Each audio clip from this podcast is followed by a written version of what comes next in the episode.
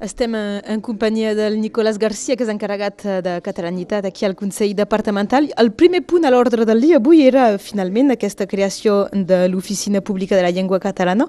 És un símbol important d'haver-ho posat al primer punt de, de la sessió? Sí, és, eh, és un símbol important i ho hem volgut posar com primer punt perquè bon, cal fer polit, eh, cal anar cuidado, eh, realment és una mica històric d'haver creat, després d'haver esperat tant de temps, 3 o 4 anys, en tot cas des de 2015 per nosaltres i potser abans esperava ja, eh, d'haver creat aquesta oficina pública de la, de la llengua catalana i és, el principal de l'anunci és aquest, la creació. Després no, no hem de buscar discrepàncies darrere, eh, sobre el pressupost i tot això, les coses seran com les farem, com serem capaços de fer-ho, capaços de fer-ho, però ho calia crear, primer ho calia crear. Són el, els actors mateixos que, que han de fer que sigui necessari d'augmentar aquest pressupost inicial. Sí, la, la gran força, la, la, també és una debilitat, eh? però la gran força és que només toca un departament i doncs els principals actors seran els actors del departament, encara que eh, hi hagi la regió, l'Estat, etc.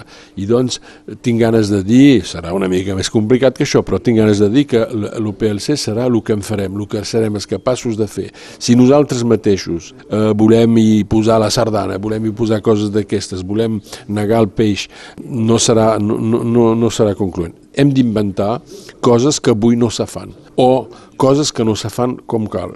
I eh, les fer passar a l'ofici públic de la llengua catalana i, i les eh, desenvolupar, les fer eh, ampliar.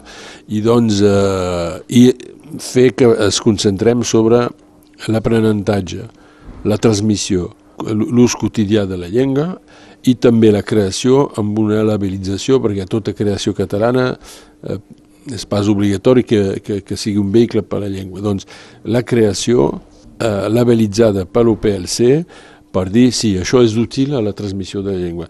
Nosaltres lluitarem per concentrar l'activitat de, de l'UPLC sobre aquest tema. I que sigui ben bé la llengua catalana i la seva utilització, eh, no només l'aspecte cultura no. en, en sentit eh, ampli. Sí, sí, l'ús quotidià és un, un element important. I l'ús quotidià és eh, anar a demanar, anar a preguntar, poder anar a preguntar coses, poder fer servir la llengua al dia al dia, però també poder anar al cine, poder anar al teatre, sentir eh, una peça que potser se coneix en francès, però en teatre i en creació encara millor. I que no sigui només redirigir les actuals ajudes a la llengua i la cultura catalanes només sota el lema de l'oficina pública. Això seria el fracàs. Seria el fracàs de transferir i és, és potser el que hem de, ser, eh, hem de vigilar, de transferir tot el que se fa avui a Perpinyà, al departament i a la, a la regió dins l'ofici, i això taparia el pressupost i te taparia la real activitat. No, hem de guardar les competències que, que fa, que té de subvencionar, etc etc els departaments, la, la vila de Perpinyà, i hem de passar tot el que és sobre la llengua, ja s'ha dit, i inventar coses que facin avançar i, i les finançar perquè si, si hem de passar els 200.000 euros que poses aquí, que ja poses aquí, o els 300 que poses aquí a dins, clar, te farà un pressupost més gros, però al final no hauràs fet avançar res. Si l'Ofici Públic de la Llengua Catalana és una eina, se veurà amb l'ús que serem capaços de fer avançar d'aquí 3, 4 o 5 anys, haurem de fer un, un bilan eh, i doncs eh, ho sabrem, però se, se medirà això la seva utilitat se medirà el que som capaços de fer avançar. Si fem al costat que se fa el mateix però dins un altre eh, uh, organisme no haurem fet avançar res. I en aquest sentit ajuden els altres exemples uh, de, per les altres llengües? L'occitana és la més propera per, per, per la regió, diguem, però també hi ha, hi ha el basc, el bretó... Sí, l'occità, m'he llegit un report ara fa poc temps, és molt complicat. Eh, sembla que sigui molt complicat, em sembla que no han estat capaços de fer eh, el que volem fer aquí, eh, no sé si arribarem a fer-ho, però vull dir realment concentrar-se sobre una cosa que faci un més, un plus. L'ofici eh, de la llengua basca podria ser un exemple, però la seva creació fa molt temps, amb d'altres condicions, també fa que eh, és un exemple que, que, que hem de seguir, eh, que, que ha de ser un objectiu amb la nostra particularitat. Sí, potser sí, aquest seria un exemple. Nicolás Garcia, moltes gràcies i fins aviat. Fins aviat. Tenim amb nosaltres Anabel Brunet, bon dia. Bon dia. Ets uh, membre de, del grup de, l'oposició, però uh, sobre aquesta qüestió hi ha hagut uh, unanimitat. Sí, hi ha hagut unanimitat. Com ho deies, uh, finalment hem tingut la sort de votar avui per, aquesta, per la Constitució oficial, uh, perquè hem trigat tant, fins i tot no som nosaltres que hem trigat, sinó que és l'Estat, que com sempre en aquests casos uh, reacciona prou ràpidament, si es pot dir així. Justament el fet que l'Estat ho hagi frenat tant de temps, um, és, que, és que penseu que hi ha una, un problema polític darrere o ben bé és perquè no els interessava, o un poc els dos? Bueno, crec un poc els dos. Eh, sempre com, I com sempre, un menyspreu, això és segur, segur, perquè crec que l'Estat no veu cap utilitat a les llengües, eh, entre cometes, regionals, doncs a les llengües de França, com diu la Constitució francesa normalment, però sobretot crec que sigui un menyspreu i un desinteressament total.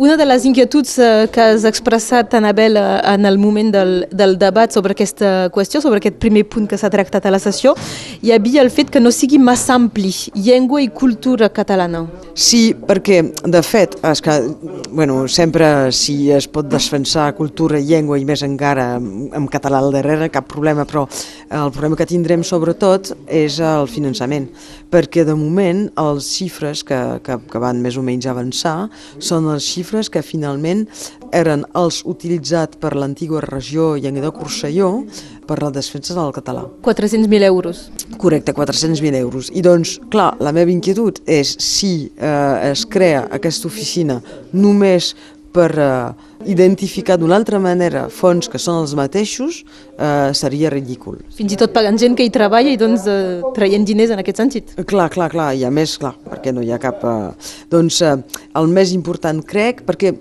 és, és eh, bueno, veiem oficines que realment tenen èxit, clar. Eh, no crec que aconseguirem ràpidament de tenir el nivell de, de l'oficina de, de Basca? País Basc, però... És l'exemple que tothom posa perquè és la que té un pressupost més important Home, i, i si ho reduïm fins i tot al nivell de, de la talla del territori d'alguna manera. Uh, com dius, com dius, doncs clar que dos o tres milions d'euros així eh, del, del, del dia a l'endavant no, es podrà, no es podrà fer, però uh, sí que hem de treballar en aquest sentit.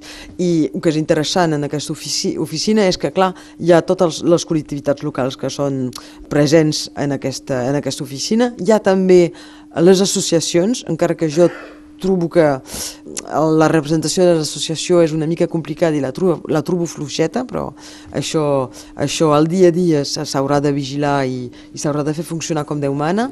Després, el fet que hi hagi les col·lectivitats locals, el fet que hi hagi l'universitat, que la seu eh, de l'oficina pública sigui a l'universitat, jo crec que això és, eh, és eh, una obertura eh, i és l'especificitat del país català. I crec que això és, és, un bon, és un bon principi. I com que és escrit, com que és una convenció, el fet que ara hi haurà canvis a la presidència de l'universitat, per exemple, això no ho canviarà. És a dir, que no era la persona del Fabrice Lorente que ho ha avalat i que doncs ara trontollarà. és a dir, que crec que el Fabrice Lorente ho tenia previst abans, sí que és ell que ha treballat perquè sigui així, però finalment és segur que es quedarà ja la seu, almenys que hi hagi una decisió de l'oficina ja mateixa que voldria anar a un altre lloc, però de fet serà allà. I també la participació de l'universitat que és la posada a disposició de la seu i també d'un, crec un agent per, eh, per fer eh, de secretari eh, i de, i de manteniment de, del lloc. Eh, també això està inscrit directament a la participació, doncs no, no podrà canviar encara que canvi el president de l'universitat. Doncs uh, us feliciteu de, de, que finalment hagi nascut, més s'ha de continuar vigilant que, que vagi desenvolupant-se. Com sempre, eh, i tant que s'ha de continuar vigilar. Després, no sé si heu sentit, però el, el Joan Castex va fer una intervenció sobre la necessitat d'un nou col·legi per la Bressola. Eh, podria ser, per exemple, aquesta oficina, un lloc de discussió entre col·lectivitats locals per tal de tirar endavant un projecte per posar un, un col·legi immersiu, perquè és finalment això que necessitem, un col·legi immersiu eh, en llengua catalana a Perpinyà. Ho has definit com una eina pertinent. Clar, una eina pertinent i espero que serà una eina eficient també. Gràcies, Anabel Brunet. Fins aviat. Moltes gràcies, Déu.